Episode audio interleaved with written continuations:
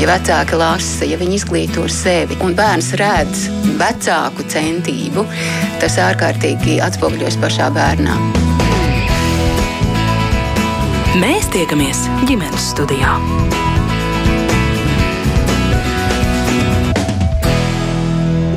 Ja man prasa kaut ko Labdien! Priecājos sveicināt jūsu visu ģimenes studijas šīs dienas klausītājs. Mans vārds ir Agnes Linka, un šī radījuma producente ir Ilze Zvaigzne. Nesen veiktā pētījumā ir noskaidrots, kādi tad ir tie sociālie, psiholoģiskie un ekonomiskie aspekti, kas Latvijā veicina cilvēku vēlmi radīt vairāk pēcnācēju. Arī tie aspekti, kas uzlabo bērnu un vecāku attiecības, cik bērnu optimāli vēlas dažādā vecumā esoši Latvijas iedzīvotāji, kā raugās uz iespēju noslēgt laulības un kādu ietekmi vardarbības pieredze atstājusi tālāk pieņemt pieņemtajiem lēmumiem šai kontekstā. Plašāk par to un šī apjomīgā pētījuma secinājumiem šodien saruna ģimenes studijā un sarunā piedalās Latvijas Universitātes pedagoģijas psiholoģijas mākslas fakultātes profesora, psiholoģijas doktore Sandra Beatrice Sebre. Labdien! Labdien! Arī Latvijas Universitātes pedagoģijas psiholoģijas mākslas fakultātes docente, psiholoģijas doktore Laura Pirsko kopā ar mums ģimenes studijā šodien. Labdien! Labdien. Un Rīgas ekonomikas augstskolas asociētā profesora demografa Zana Vārpiņa. Sveika! Labdien.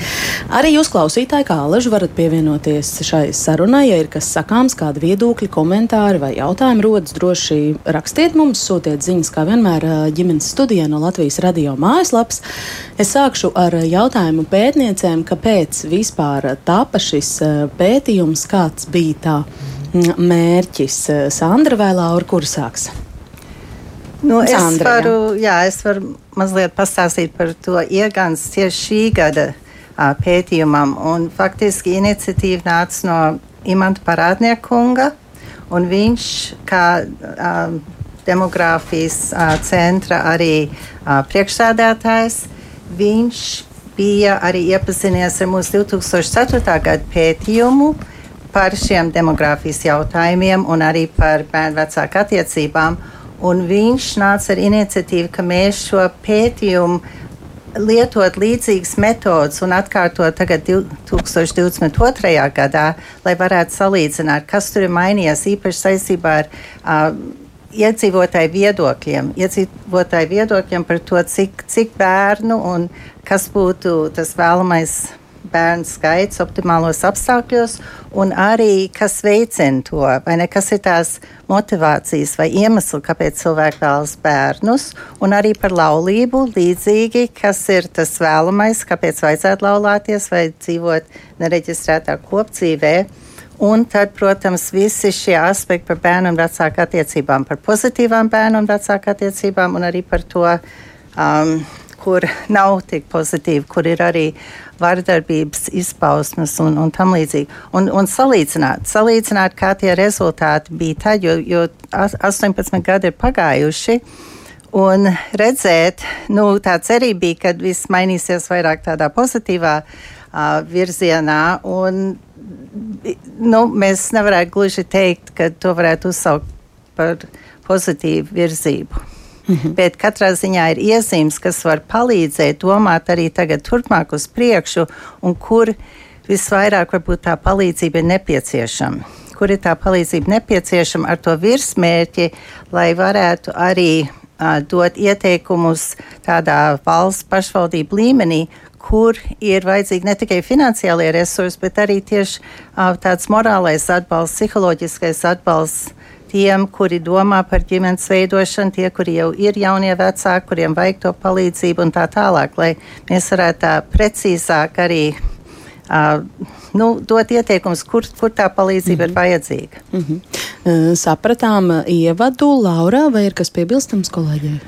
Man liekas, ka tās būtiskākās lietas jau tika pateiktas, un, un tas īpašais par šo pētījumu ir, nu, ka mums ir tiešām iespēja salīdzināt, kāda bija tā situācija tajā 2004. gadā un kāda ir šobrīd. Un, droši vien, tūlīt arī mēs ķersimies klāt jau pie tiem galvenajiem secinājumiem. Un, un, un ir nu, ir daudz tādas interesantas lietas, es gribētu teikt tā, un mēs varam noteikti teikt, ka sabiedrība uz vietas nav stāvējusi, un ir uh, izmaiņas, kas ne tikai ir, nu, ir gan tādas situatīvas, kur mēs varētu domāt par visu to laiku, kā, kā pandēmijas laiks ir ietekmējis cilvēkus, bet mēs arī noteikti varam runāt par tādām sabiedrības izmaiņām un, un sabiedrības vērtību maiņām, kas ir, nu, jā, kur droši vien ir ne tikai psihologiem, demogrāfiem, sociologiem, antropologiem, ko, ko redzēt visos šajos datos, kā mēs kā sabiedrība mainamies. Mm. E, e, vēl īsts papildu jautājums, cik lielā mērā tas ir saistīts ar e, to dokumentu, ko mēs nesen visi rūpīgi lasījām, tautas ataudzes stratēģiju, vai tas iet kaut kādā sazobē?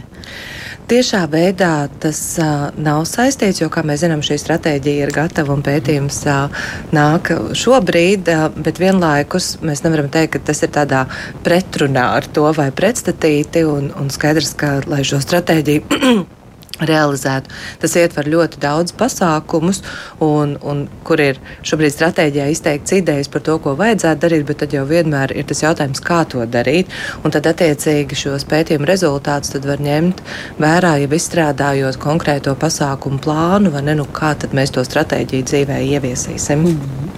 Pētījumam ir tādas vairākas daļas, varētu teikt, tādi kā tematiskie virzieni, sociālie, ekonomiskie un psiholoģiskie aspekti, kas veicina jaunu cilvēku vēlmi radīt vairāk pēcnācēju un aspekti, kas uzlabo bērnu vecāku mm, attiecības, vai, vai tā lielos vilcienos var teikt, ka ir divas daļas. Šie divi ir tie galvenie virzieni, vai varbūt kādas apakšsadaļas, ko vēl būtu svarīgi pieminēt? Nu, divos, die, tie divi galvenie virzieni ir, un viņi ir arī nu, tādi savstarpēji papildinoši, jo nu, tajā brīdī mums ir svarīgi, protams, ja mēs domājam par tautas attaudzes, domāt, nu, kā mums nodrošināt to, lai bērniņi ienāk ģimenē, lai mums Latvijā ir pietiekami daudz iedzīvotāji, bet tad ir otrs, ka mēs gribam, lai mums ir neviena skaita ziņā viņu daudz, bet lai arī viņi būtu tādi nu, sociāli, psiholoģiski veselīgi, darbspējīgi un tādi tādi, kas ne tikai ņem no tās sabiedrības, bet arī dod.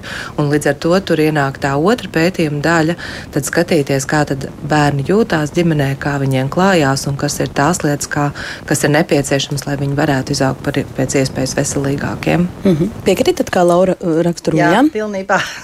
Jā. Uh, kāda tad bija tā dalībnieku kopa pēc vecuma un, un pēc kaut kādiem citiem parametriem? Um, Nu, jā, līdz ar to, ka mums tā, tas, tā tematika ir ļoti plaša šim pētījumam, tad mums arī bija plašs tas pētījuma dalībnieku lokus. Un tātad uh, mēs arī gājām skolās, mēs arī uh, lūdzām, lai 5. un 9. klases skolēni aizpildu aptaujas, arī 12. klases skolēni. Tad mums bija viņu vecāki, kuriem lūdzām aizpildīt aptaujas, tad mums bija studenti. Uh, Mums bija arī uh, pieaugušie bez bērniem, mums bija pirmskolas bērnu vecāki un arī uh, nu jā, tie 5. un 9. klases bērnu vecāki. Tātad tiešām tāds plašs diapazons no pētījuma dalībniekiem. Mm -hmm. Kāpēc tieši 5. un 9. klases? Uh, nu, kā, tur ir tādi vairāk aspekti, jo uh, nu, mums ir svarīgi ar vardarbības pieredzi noskaidrot, ir pietiekami grūti, ne, jo uh, tie, tas instruments, kuru mēs varam izmantot, un lai mēs iegūtu pēc iespējas precīzākus datus, ir, ir svarīgi, ka šīs anketas tiek aizpildītas anonīmi. Tas nozīmē, ka tiem respondentiem ir jāspēj labi izlasīt, labi saprast ne, un, un atbildēt. Un līdz ar to mēs sākot no 5. klases nu varam paļauties, ka tā lasīt prasme un, un arī izpratne tekstu uztver ir pietiekami laba, lai viņi to varētu darīt un, un arī reflektēt tādā atbilstošā veidā par, par savu pieredzi. Un līdz ar to, un, un savukārt to devīto klasu mēs ņēmām, jo Ir skaidrs, ka pusauģa vecums ir tāds riska vecums daudzām lietām, tā skaitā arī nu, īpaši seksuālai vardarbībai, kad tur ir pietiekami daudz tās pieredzes, bet tie joprojām ir bērni. Tad līdz ar to, ar to piekto klasu mēs bišķiņi labāk varam ieskatīties un saprast, kā klājās nu, tam nosacīt mazākam vecumam, un savukārt devītā klasa mums ļauj labāk gūt to mm. priekšstatu par to, kā jūtās pusauģi. Protams, sīk smalki visus pētījuma rezultātus un secinājumus mēs izanalizēt nevaram, jo tas ir patiesi mm, apjomīgs, bet, lai arī Zana tiktu pie vārda, tad es lūkšu jūs ieskicēt varbūt tajā pirmā pētījuma daļā, nu, kas ir tie svarīgākie jautājumi, kas ir tikuši skatīti, kas tika respondentiem uzdoti. Nu jā, mēs arī ziņojumā fokusējamies uz jautājumu, cik kopā vēlaties bērns optimālos apstākļos, kad būtu labs finansiāls nodrošinājums, labi bērnu uzraudzības iespējas. Un iemesls, kāpēc mēs tieši tagad fokusējamies, salīdzinot to, kā respondenti atbild uz tiem optimāliem apstākļiem, kā viņi atbildēja 2004. gadā un tagad 2022. gadā, ir tādēļ, ka reālie esošie apstākļi ir tik ļoti, ļoti mainījušies no 2004. līdz 2022. gada, respektīvi, nu, īpaši kopš Krievijas uz, vai ne, Krievija uzbruka Ukrainai Un visa tā nedrošība, kas tagad ir radusies šo kara apstākļu dēļ, mums pavisam tuvu ģeopolitiski. Un tādēļ mēs salīdzinot esošos apstākļus, ir mazliet grūti. Tur ir tik daudz faktoru, kas ir saistīti ar tiem esošiem apstākļiem, tad un tagad. Bet, ja mēs domājam par optimāliem apstākļiem, ja mēs vaicājam par cik bērni vēlas optimālos apstākļos, tad mēs vairāk gūstam tādu ieskatu tajā, kas ir tās vēlmes. Un tās vēlmes, protams, nenozīmē, ka vēlmes vienmēr realizējās, bet vēlme ir svarīga, lai realizētos vēlme bez tās vēlmes, tad arī nebūs tā realizācija. Un tādēļ mēs tiešām fokusējamies uz tiem optimāliem apstākļiem. Un ko mēs konstatējām, ir, ka tie uh, pirmskolas bērnu vecāki un arī tie 9. un 5. klases bērnu vecāki gan tad, gan tagad vēlas optimāli trīs bērnu ģimenes. Savukārt 2004. gadā Tie, kas bija studenti, vēlējās starp divu un trīs bērnu ģimeni. Tagad viņi saka, viņi vēlas divu bērnu ģimeni. Tie, kas bija uh, pieaugušie bez bērniem, tad vēlējās arī divu, trīs bērnu ģimeni, vairāk tagad divu bērnu ģimeni. Tātad tur ir tas samazinājums, iekš tāds, cik vēlas optimālos apstākļos. Bet tiem, kam jau ir bērni, tie vēl ar vienu vēlās to trīs bērnu ģimeni.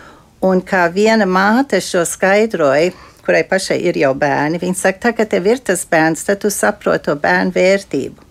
Un tad tev ir tā vēlme pēc kuplākas ģimenes. Tātad tas bija tiešām viens no mūsu galvenajiem a, secinājumiem tieši saistībā ar šo te vēlamo bērnu skaitu ģimenē. Mm -hmm. Mm -hmm. Zani, vēlos arī jūs iesaistīt sarunā kā demogrāfi. Tad apskatot šo sadaļu, šos secinājumus, šos rezultātus, uh, kas ir tas, par ko jūs domājat, kas jums tur šķistu akcentējams vai skaidrojams, kāpēc, kāpēc, kāpēc ir tā, kā ir?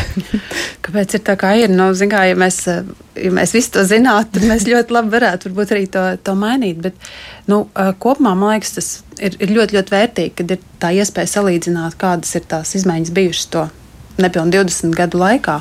Un, un tā, ja mēs skatāmies tādā nu, plašākā perspektīvā, kā nu, e Eiropas kontekstā, tad principā mēs re redzam to attīstību, ka mēs ejam ļoti, ļoti līdzīgi to ceļu, kā, kā tas notiek Rietumē, Eiropas un nu, vispār Rietumu valstīs kad principā sabiedrībā cilvēki vēlas mazāku bērnu skaitu nekā tas ir bijis iepriekš. Un, nu, demogrāfi to, to definē kā, tā, kā tā saucamo otro demogrāfisko pārēju, kas ir saistīts ar, ar vērtību sistēmas maiņām, par ko droši vien Laura vēl, vēl pastāstīs tālāk, ko, ko arī šis pētījums ļoti, ļoti iezīmē. To mēs esam tā kā Eh, kā demogrāfi to redz caur citiem indikatoriem, kā notiek vēlākas laulības. Um, daudz eh, cilvēku daudz ilgāk uh, dzīvo vispār ne, neveidojot partnerattiecības, viņi bērni kopumā dzimst vēlāk. Um, daudz ilgāka karjera notiek, vai ģimenes neveido vispār. Tie, tie visi ir tādi saistīti faktori, kas ir nu, šajā plašākā tā, tā teikt, tā demogrāfiskās pārējas um, kontekstā, nu, ko raksturo gala beigās tas, kad ir pārēj uz zemāku uh, vēlamo bērnu un arī īstenoto bērnu skaitu. Cik zems tas kopumā beig beigās būs, to mēs īsti nezinām, jo arī nu, tās uh, valstīs, kas nu, izskatās, ka ir bijusi tālāk jau tajā pārējā, tur arī tas nav noslēdzies tādā vienā apma, nu, līmenī. Un, un tur arī tas mainās. Bet nu, šis pētījums tiešām to iezīmē, ko nu, mēs tā kā. Ko mēs jau, ko mēs zinājām. jau zinām, principā, mm -hmm. un kas ir nu, ļoti. Nu, tas ir labi, ka mums ir tas apstiprināts, un mēs to redzam, ka tā tas ir. Tas nozīmē, ka mēs iespējams varam kaut ko darīt, lai īstenotu to, ko, ko cilvēki vēlas. Mm -hmm. Vai ir arī kādas nianses, kas ir tomēr Latvijai iezīmīgas, kur jūs uzķērāt, re, ka tas ir mums raksturīgi?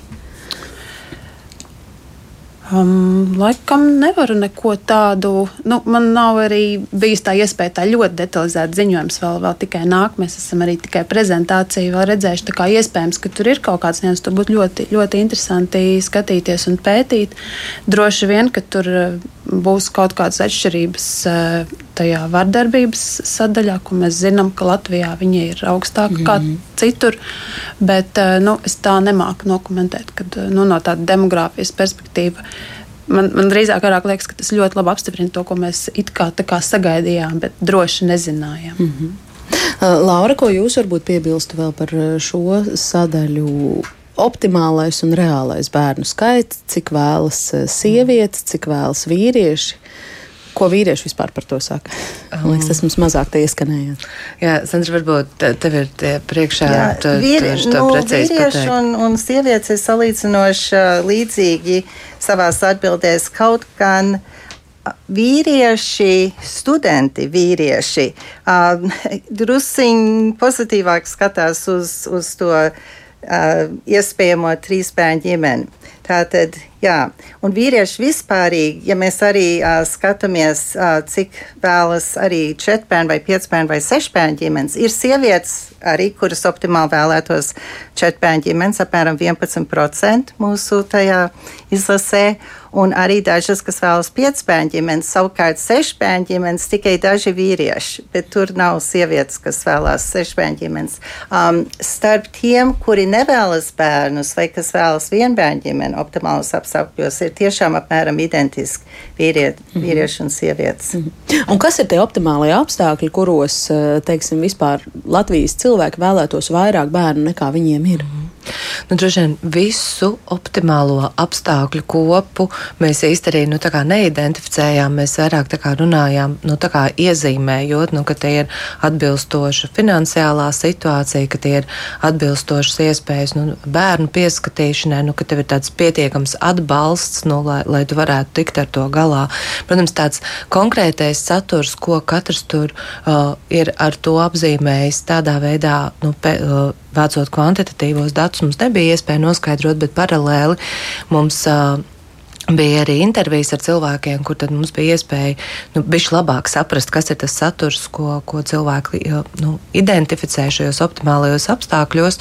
Un, un tās ir arī tās lietas, ko viņi iezīmē. Tātad viens ir, ka viņi jūtās nu, tādi finansiāli stabili vai droši, un, un, un ka nu, ir kaut kāda tāda prognozējumība, nu, ka es varu paļauties. Un, un ļoti daudz tiek runāts nu, par šo x stundu, kas var iestāties iestāties un ko mēs visi saprotam, ka nu, dzīvē kas tik nevar notikt, bet ka būtu tā drošības izjūta, nu, kad es neesmu palicis viens ar, ar, ar, ar saviem bērniņiem, ne, un tad es nesaprotu, ko, kur, ko man darīt, un tas nav stāsts tikai par, protams, tādām pamatvajadzībām kā apģērbs, ēdiens, bet arī, protams, ģimenei bieži vien ir uh, kredītā vai nehipotekārie kredīti par dzīvokļiem, un tad kā es ar šo visu tad, tad tikšu galā, un, un vai, tad, vai tad es varu vai nevaru. Tā ir tā viena puse.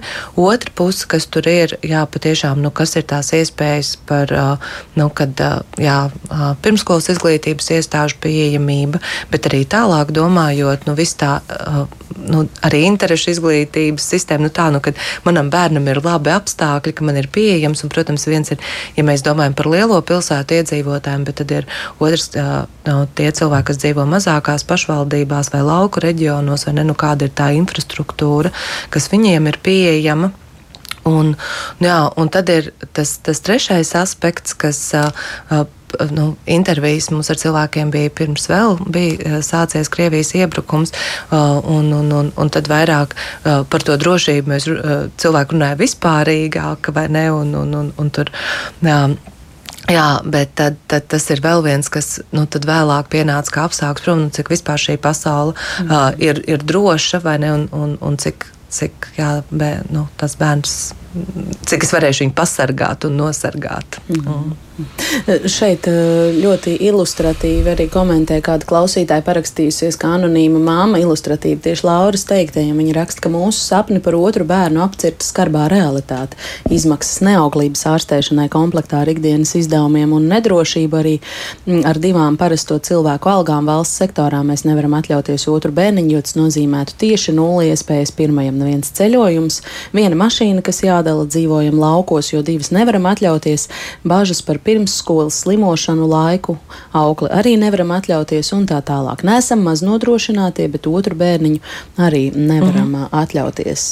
Jā, Tad tas jā. finansiālais aspekts parādās kā noteicošais. Jā, bet uz to finansiālo aspektu droši vien nu, nu, viņš arī nav tik tādā tiešā veidā. Arī, nu, tā, mēs prezentējām datus, tur arī tur diskusijā parādījās, tad, tad ļoti tas nu, arī.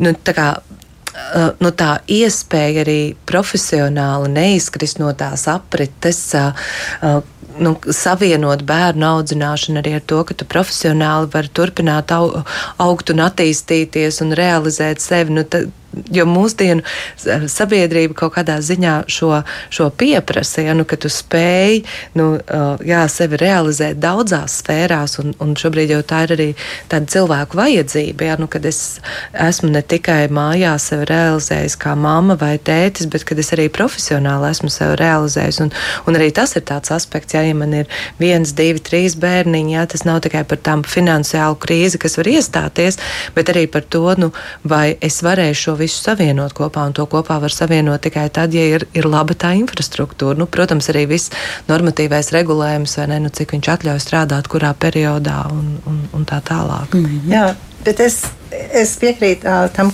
ko Lauris stāsta, bet arī piebildu tīšu par uh, vispār to ģimenes tradīciju. Jo man liekas, tas ir arī faktors, kas parādījās arī intervijās, bet arī noteikti mūsu uh, kvantitatīvos datos, ka tur bija saistības starp to, cik, liel, cik daudz ir brāļu un māsas, vai ne, cik ir tā vispārīgā ģimenes tradīcija, tas arī ir viens no faktoriem, kas ietekmē to, cik daudz bērns pats vēlās. Un arī intervijās tas izskanēja, ka tie arī kuri vēlas vairāk bērns, viņi runā par to, ka viņiem arī bija ģimenē biežāk vairāk bērni, un ka viņiem arī ir šī pārliecība, ka lielāka ģimene rada lielāku prieku. Un tādēļ viņam arī iekšēji lielāka tā iekšējā motivācija, ka tomēr grib, nu, piemēram, tos divus bērnus, iespējams, arī trīs bērnu ģimenes un, un tam līdzīgi. Mm -hmm. Zana, vai par šo kas piebilstams vēl? Um, Nu, te, te, ir ļoti, ļoti daudz nu, um, par. Uh, es pat nezinu, jā, nu, par, par to, ka uh, tā, tā tradīcija ietekmē. Protams, uh, tā, tā viena daļa no tā, cik mēs vēlamies tos bērnus, protams, nāk no, no, no tās, tās ģimenes un, un paša, paša pieredzes un pašas bērnības um, dažādām. Uh, Pieredzēm ne tikai cik liela ģimene, bet arī vai ir bijusi vārdarbības pieredze un tam līdzīgi. Bet, um, Ar, nu, bet ar, ar visu to, to mēs nu, arī redzam ar, gan šeit, Latvijā, gan citās valstīs, kad arī tie, kas nāk no lielākām ģimenēm, tā, tā nākamā paudzē ir mazliet mazāks tas bērnu skaits. Un tas, tas tā, to, to tie tā kā statistika un dati tomēr rāda. Um, un jā, par to, ko mēs mm. nu, runājam par, par to iespēju neizkrist no, no darba, darba tirgus, tas ir um, nu, ko, kas šobrīd uh, no, ko zinātniskā literatūra arī citās valstīs norāda, ka tā ir ļoti, ļoti, ļoti svarīga lieta, uh, ka sievietei ir iespēja nu, ne tikai izvēlēties vienu vai otru karjeru, bet apvienot šīs lietas un to darīt pietiekami viegli un, un tā nepiespiesti. Un, un tam, tam apakšā ir daudz, daudz to, to lietu, cik, cik darba tirgus, darba devējs mm. ir elastīgs un, un cik likumdošana to atļauj bet arī cik liela ir pārējās ģimenes, īpaši tēva iesaista un tēva atbildība bērnu audzināšanā. Un, un tajās valstīs, kur, kur tēvi vairāk iesaistās ģimenes dzīvē, bērnu izvadāšanā, un audzināšanā un pieskatīšanā, tur tas bērnu skaits parād, ir lielāks. Um, gan, gan tādā, gan starp valstīm, gan arī tādā mikro līmenī tas, tas parādās. Un tā ir, man liekas, nu, tā lieta, kur, kur droši vien kur nāk gan sabied, gan tāda sabiedrības tradīcija iekšā, cik ļoti tās lomas ir, ir nodalītas. Bet, nu, arī arī tie, tie apstākļi. Mm. Un uh, Alīna uzdod jautājumu, kas iespējams ir jautājums Zanē. Viņa raksta, ka viņa pati ir datos redzējusi, ka pēdējos gados samazinās gadu starpības starp pirmo un otro bērnu, paralēli arī pieaug sievietes vidējais vecums pirmajam bērnam piedzimstot, vai ir pamatoti teikt, ka pēdējos gados ir tendence 30 plus gadīgajām pirmo bērnu māmiņām izvēlēties vienu bērnu kopšanas atvaļinājumu pēc otra. Tas ir censties pagūt, izveidot to divu, trīs bērnu ģimene pirms bioloģiskais reproduktīvais pulkstenis pasaka uh, stop. Kādā secībā? Droši vien zanēja, ka viņi vislabāk pārzina demografiskos nu, skaidrus. Te, te, droši vien tas ir tajā kontekstā ar to, ka nu, vispār kā mums jāskatās, ka sievietei tajā vecumā starp kādiem 25 un 35, nu tā nosacīti skatoties tajā vecuma posmā, ir ļoti, ļoti daudz jāpaspēj. Tas, nu, tas kas mums ir jāpaspēj, tā tad ir nu, izveidot uh, karjeru. Nevis jums ir izglītība, sasniegt kaut kādu izglītības līmeni, tālāk sasniegt kaut kādu vietu darbā.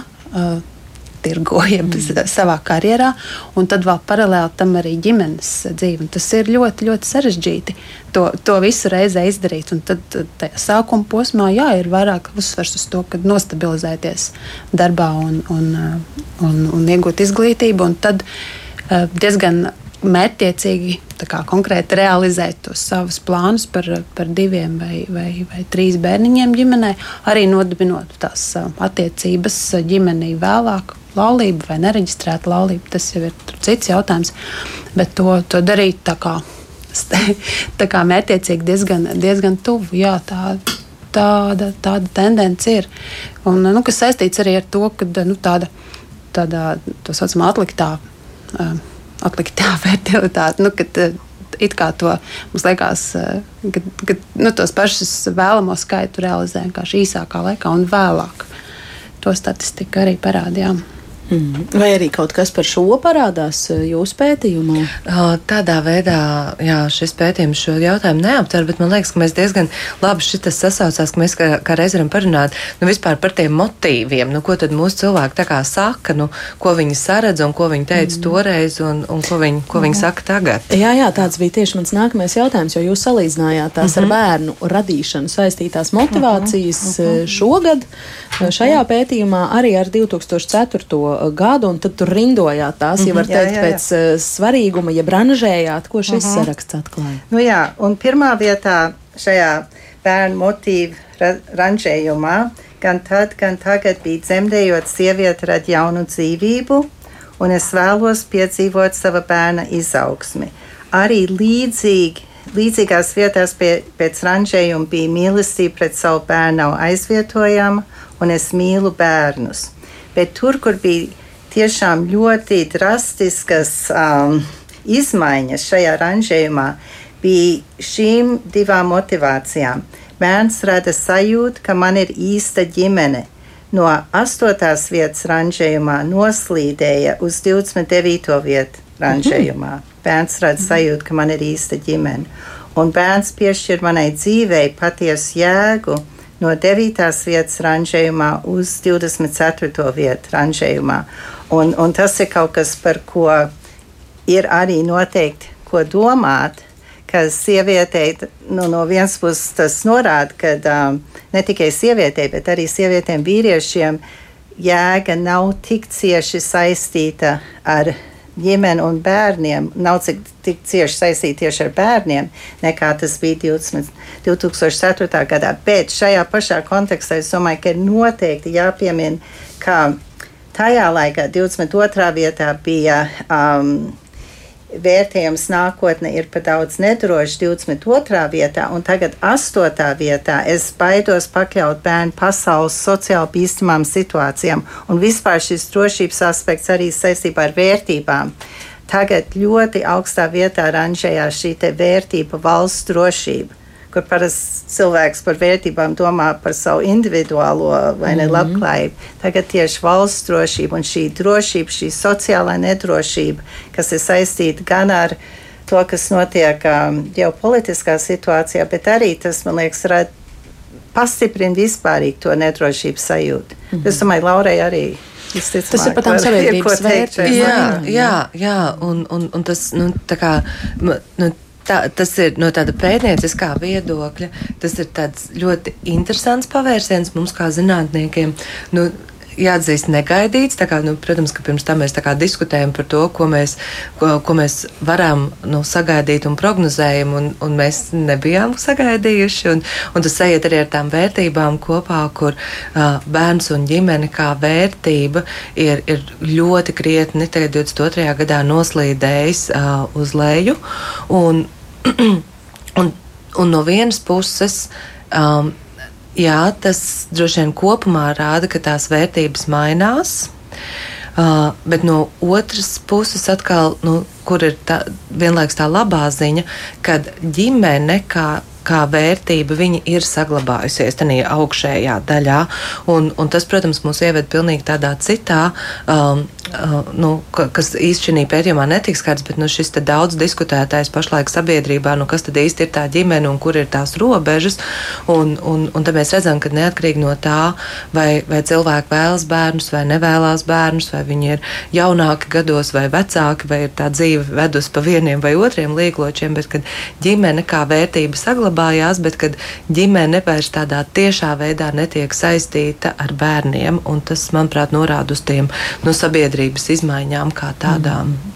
Jā, es atgādināšu, ka ģimenes studijā mēs šodien runājam par to, kādi ir tie sociālie, psiholoģiskie un ekonomiskie aspekti, kas tieši Latvijā veicina vai varētu veicināt cilvēku vēlmi radīt vairāk pēcnācēju. Un sarunas dalībnieces šodien ģimenes studijā ir psiholoģijas doktore Sandra Sebre, arī dzene Laura Pīrsko ar tādu pašu titulu un demogrāfe Zane Vārpiņa. Zane, Par eh, šo pēdējo aspektu, ko kolēģis minēja, vai demogrāfija kā zinātne arī domā un pievērš uzmanību šiem vērtību eh, jautājumiem. Jo, piemēram, eh, Ilga raksta, kāda mana draudzene teica, ka viņa savu egoismu ir apmierinājusi ar vienu bērnu, pasauli ir pārapdzīvot un kopumā nākotne nesola neko drošu nākamajām paudzēm, ņemot vērā, kas notiek ar klimatu un tam līdzīgi.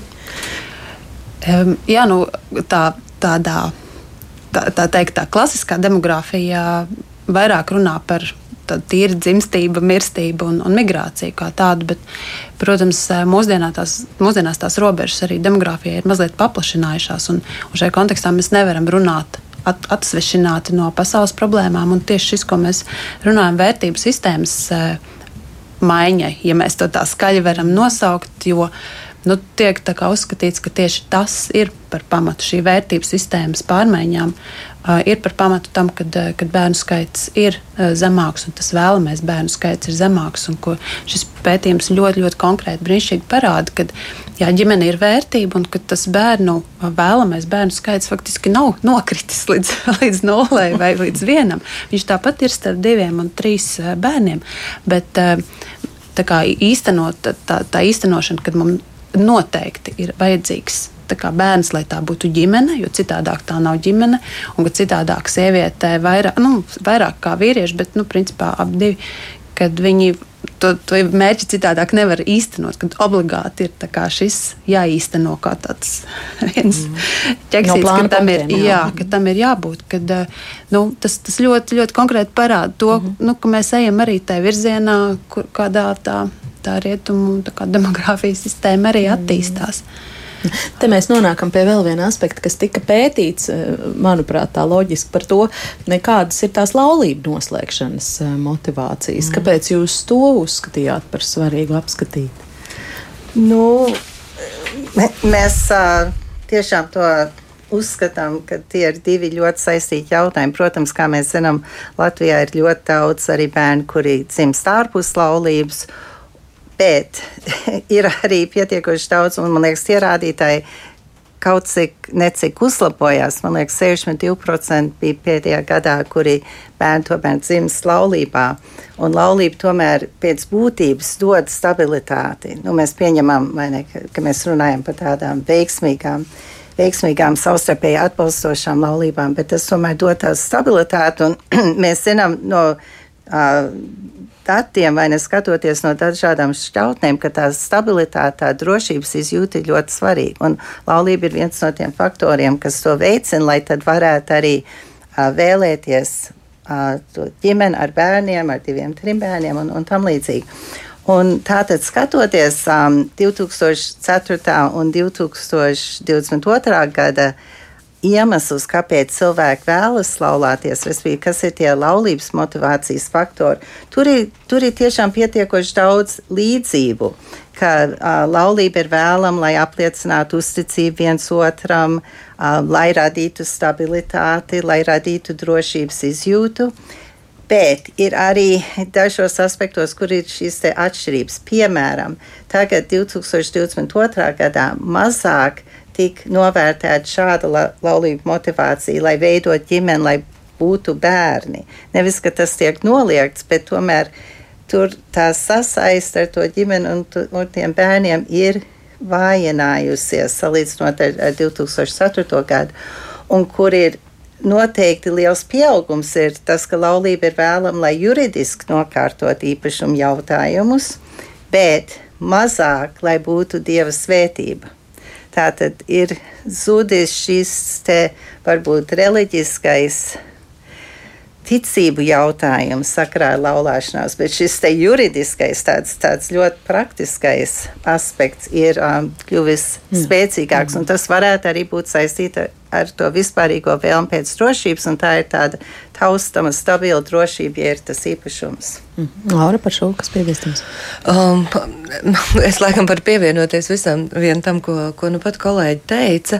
Un, uh, jā, un es, nu, tas, kas man liekas īpaši par šo, kad uh, jā, laulība, kā nu, arī tāda juridiski noformēta cilvēku attiecības mūsu sabiedrībā joprojām ir svarīgas, un, un cilvēku to kopumā uz šo raugās, nu, kā veidu, kā savas attiecības sakārtot gan emocionāli, gan juridiski, un kā mēs redzam, šī juridiskā motivācija ir ļoti, ļoti pieaugusi. Un, jā, un mēs arī atkal zinām, cik daudz diskusijas mums notiek arī par šīm nereģistrētajām partnerattiecībām. Un, jā, bet, kad, nu, tā, ja mēs atkal skatāmies tādām uh, sabiedrības norisēm kopumā, kad cilvēki joprojām tomēr nu, saredz, ka tai no tām ģimenes robežām ir kaut kādā veidā jābūt iezīmētām, un kad, kad mēs, viņas, nu, mēs viņus apliecinām nu, ar, nu, tādā veidā, kādā mūsu sabiedrībā tas ir pieņemts, ne, un šajā gadījumā tas ir ar laulību, un ka tur ir gan šie emocionālie motīvi, kāpēc mēs to darām, bet ka tur arī ir ienācis šis juridiskais komponents ļoti iekšā. Mm. Aug laulībā dzimušo bērnu skaits. Mm. Kā, kā, kā šo no demogrāfijas eh, viedokļa var vērtēt, eh, vai mēs arī šeit varam kaut kādā mērā salīdzināties ar tām rietumu valstu tendencēm? Nu, man liekas, ka te uz to vai aug, vai, vai mainās, kā mainās eh, laulībā dzimušo bērnu skaits. Tur mums droši vien būtu jāapskatās tādā ilgākā, ilgākā laika posmā, jo kopumā, uh, kopumā to bērnu skaits, kas ir dzimuši nereģistrētā laulībā, citāda veida savienībā, viņš tomēr ir, ir pieaudzis. Tad, nu, varbūt pēdējos gados tur ir kaut kādas mhm. mazas izmaiņas bijušas, bet, bet kopumā nu, tas atkal ir, kur es jau trešo reizi sarunas laikā minu tā, tā, tā pārēju uz, uz, uz mazliet citu veidu. Demogrāfiskā pārēja uz citu veidu attiecību un, un, un to e, sabiedrību. Un, uh, kopumā ārpus laulības dzimšanas skaits ir pieaudzis, un viņš, viņš ir augsts diezgan. Tie, ir, tie bija 50, laikam 6%, tagad ir 62%, bet viņš vienalga. Tie, tie, kas ir dzimuši laulībā, tad pēdējos gados viņš ir samazinājies, bet kopumā viņš vienalga ir diezgan augsts. Un, tā saikne starp laulību, tādu kā mēs viņu šo, šobrīd definējam, un, un, un, un dzim, dzimstību, viņš nav tik kā viennozīmīgs. Tā laulība pat par sevi, es droši vien gribētu mazliet apmanīt, viņa pat par sevi nav drošības un stabilitātes mm. garants attiecībām. Tā ļoti, ļoti izskanēja tas, ka tā ir juridiska, juridiska mm. veida attiecību noformēšana. Un varbūt tas ir tieši tas, tas mm -hmm. svarīgais. Nevis, eh, da, mēs zinām, ka daudz bērni, daudz laulības tiek, tiek eh, reģistrētas pēc bērnu piedzimšanas jau.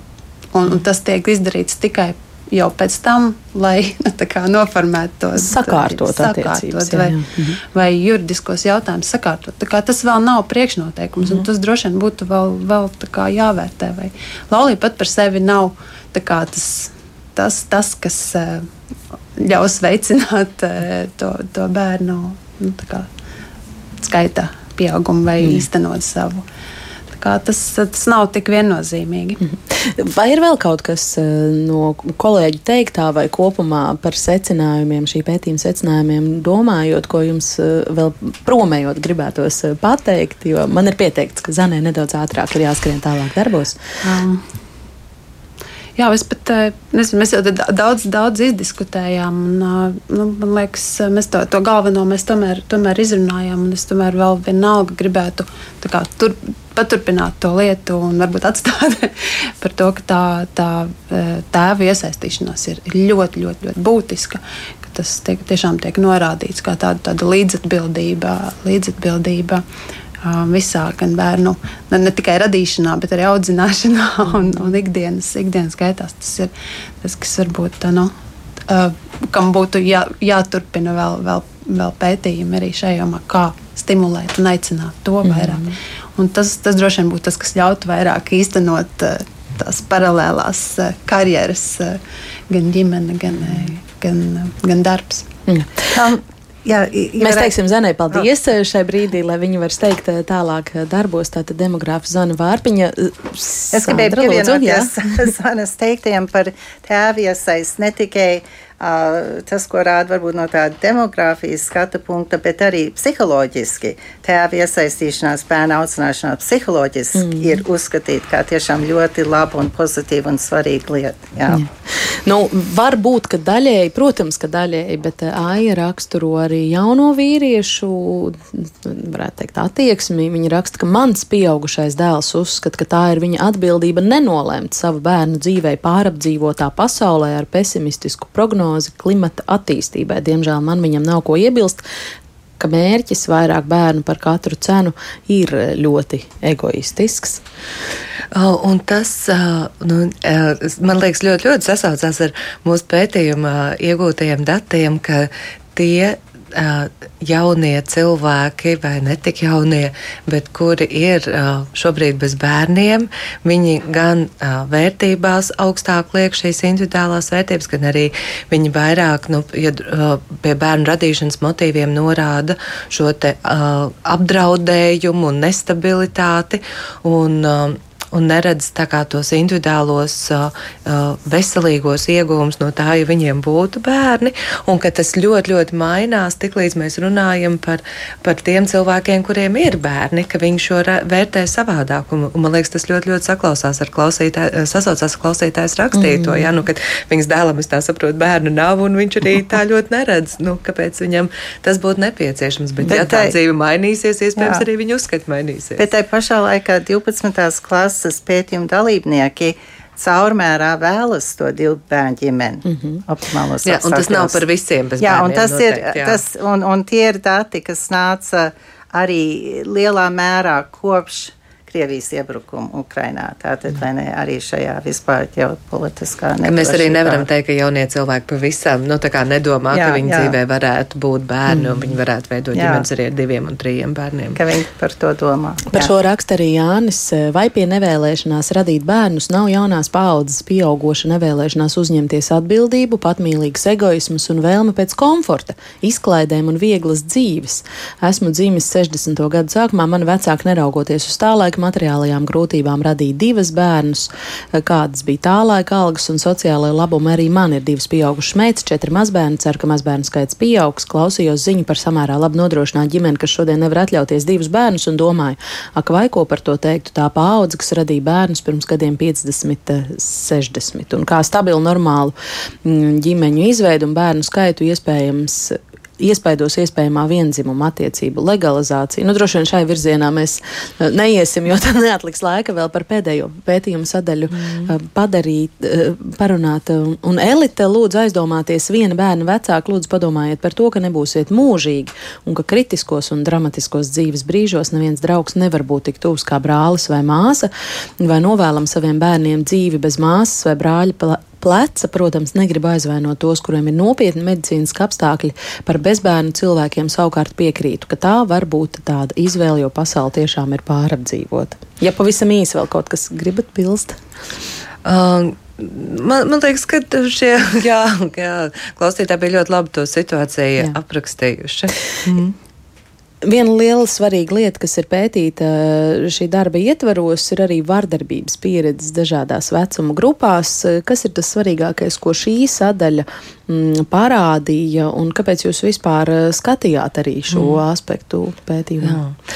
Nu, jā, kā jau mēs minējām, tur ir tā, tāds divas lietas. Viens ir, kad domājot par no bērniem, kuri ir piedzimuši, kā viņiem klājās un, un kas notiek un kā viņi jūtās par, par savām attiecībām ģimenē. Bet otrs arī, nu, tas ir daudz pētīts un daudz zināms, ka vardarbības pieredzēji ir nu, dažādas veida sekas, gan, gan sociālā, gan psiholoģiskā, medicīniskā uzvedības līmenī, nu, tā kā ļoti, ļoti daudz. Un līdz ar to mums arī, gan skatoties uz šo pētījumu demogrāfisko daļu, mums, mums interesē, vai šī vardarbības pieredze kaut kādā veidā arī ir sasaistāma. Un, un šeit mēs redzam ļoti skaidru saistību, ka cilvēki, tie, kas ir uzrāda tāds augsts vardarbības rādītājs savā bērnībā, uh, savā turpmākajā dzīvē, nevēlas bērnus vispār, vai vēlās nu, vienu nu, mazāku skaitu bērnu, ja mēs tā kā salīdzinām. Un tad, jā, un tad tas bija tas viens, un otrs ir nu, pastīties, kā bērni par savām ģimenēm jūtās šobrīd. Un tad, ja mēs skatāmies uz šiem rezultātiem, tad. Um, uh, ja mēs tā uzmetam to pirmo acu skatu, tad mēs redzam to, ka kopējie vardarbības rādītāji attiecībā uz visiem vardarbības veidiem, gan emocionālo, gan fizisko, gan seksuālo vardarbību, ir kļuvuši augstāki salīdzinot ar 2004. gadu.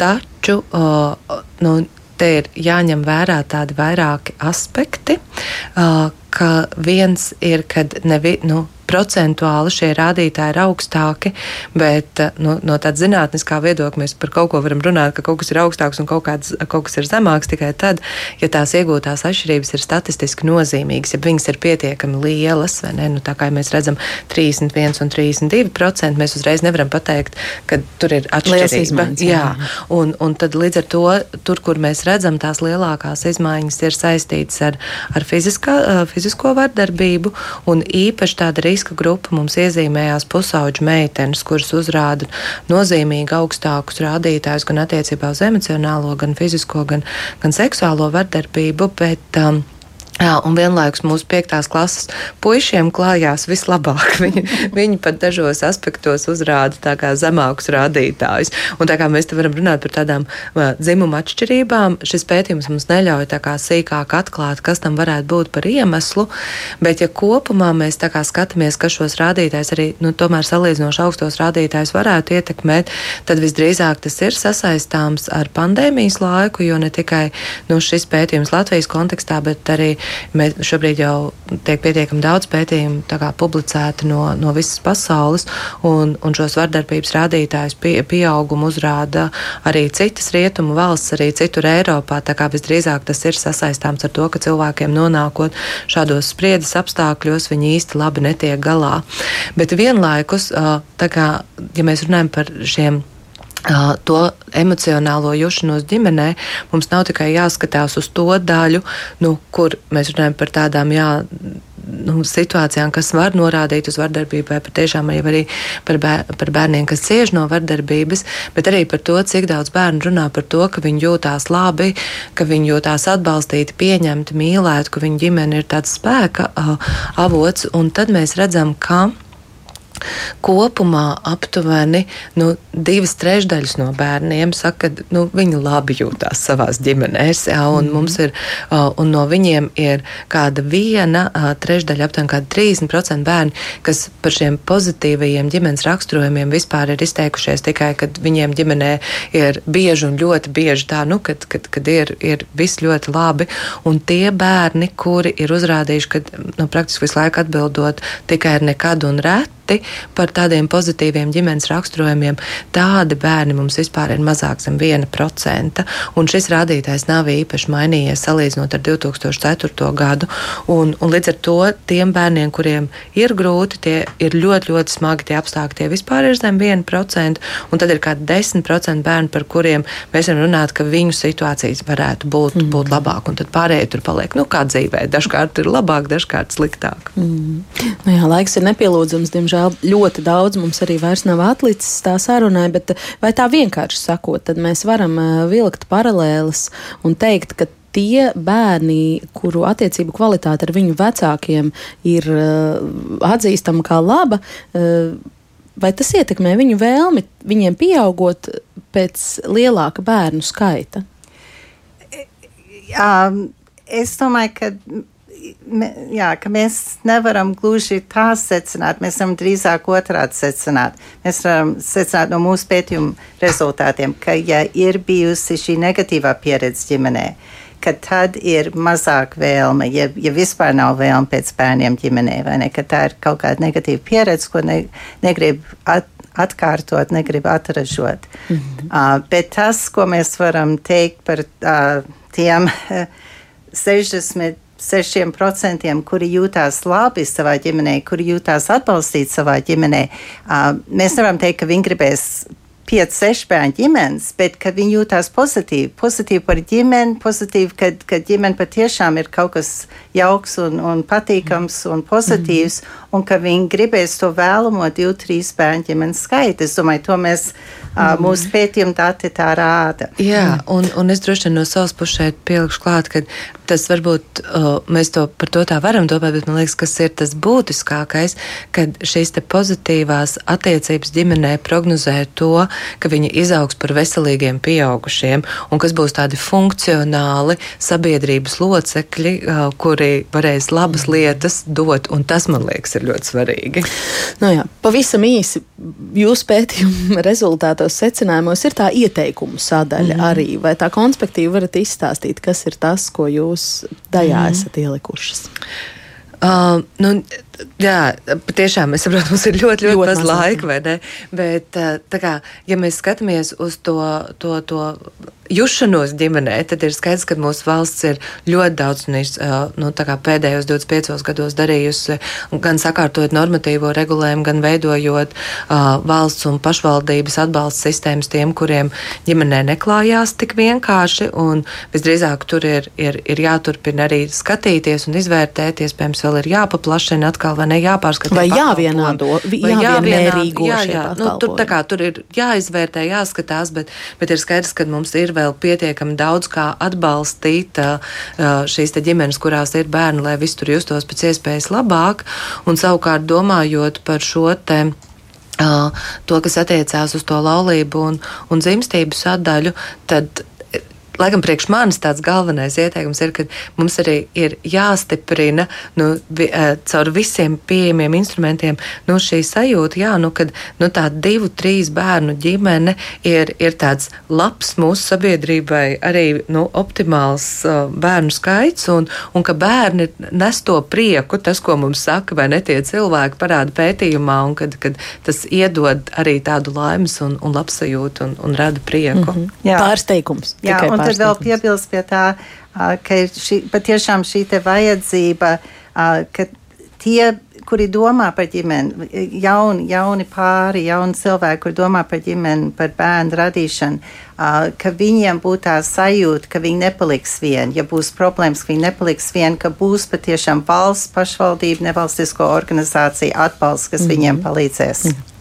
Paldies, un noslēgšu ar Jāņa komentāru pozitīvam garstāvoklim. Viņš raksta, tas jaunais cilvēks, kas baidās ar saviem bērniem pārapdzīvot pasauli, varētu tomēr nebaidīties, jo cerams dzīvos nevis Indijā, bet Latvijā, un cik zināms, mums vietas ir daudz, ir depopulācijas problēma, un arī pārmērīga piesārņotība Latvijā taču nav vērojama. Uh, jā, paldies arī par šo, un paldies par sarunu ģimenes studijā šodien psiholoģijas doktorēm Sandrai Sebrei un Laurai Pirsko raidījumu šodien veidoja Ilza Zvaigzne. Rita Karnača un es Agnes Linkrī. Ģimenes studijā mēs runāsim par to, ar kādiem secinājumiem noslēdzas Eiropas jaunatnes gads un ko saka paši jaunieši, kas ir svarīgi viņu labbūtībai, klausieties to no diviem līdz trījiem, kā vienmēr ģimenes studijā. Mēs skanam arī podkāstos, mobilajā lietotnē un tiekamies mūsu sociālos tīklos.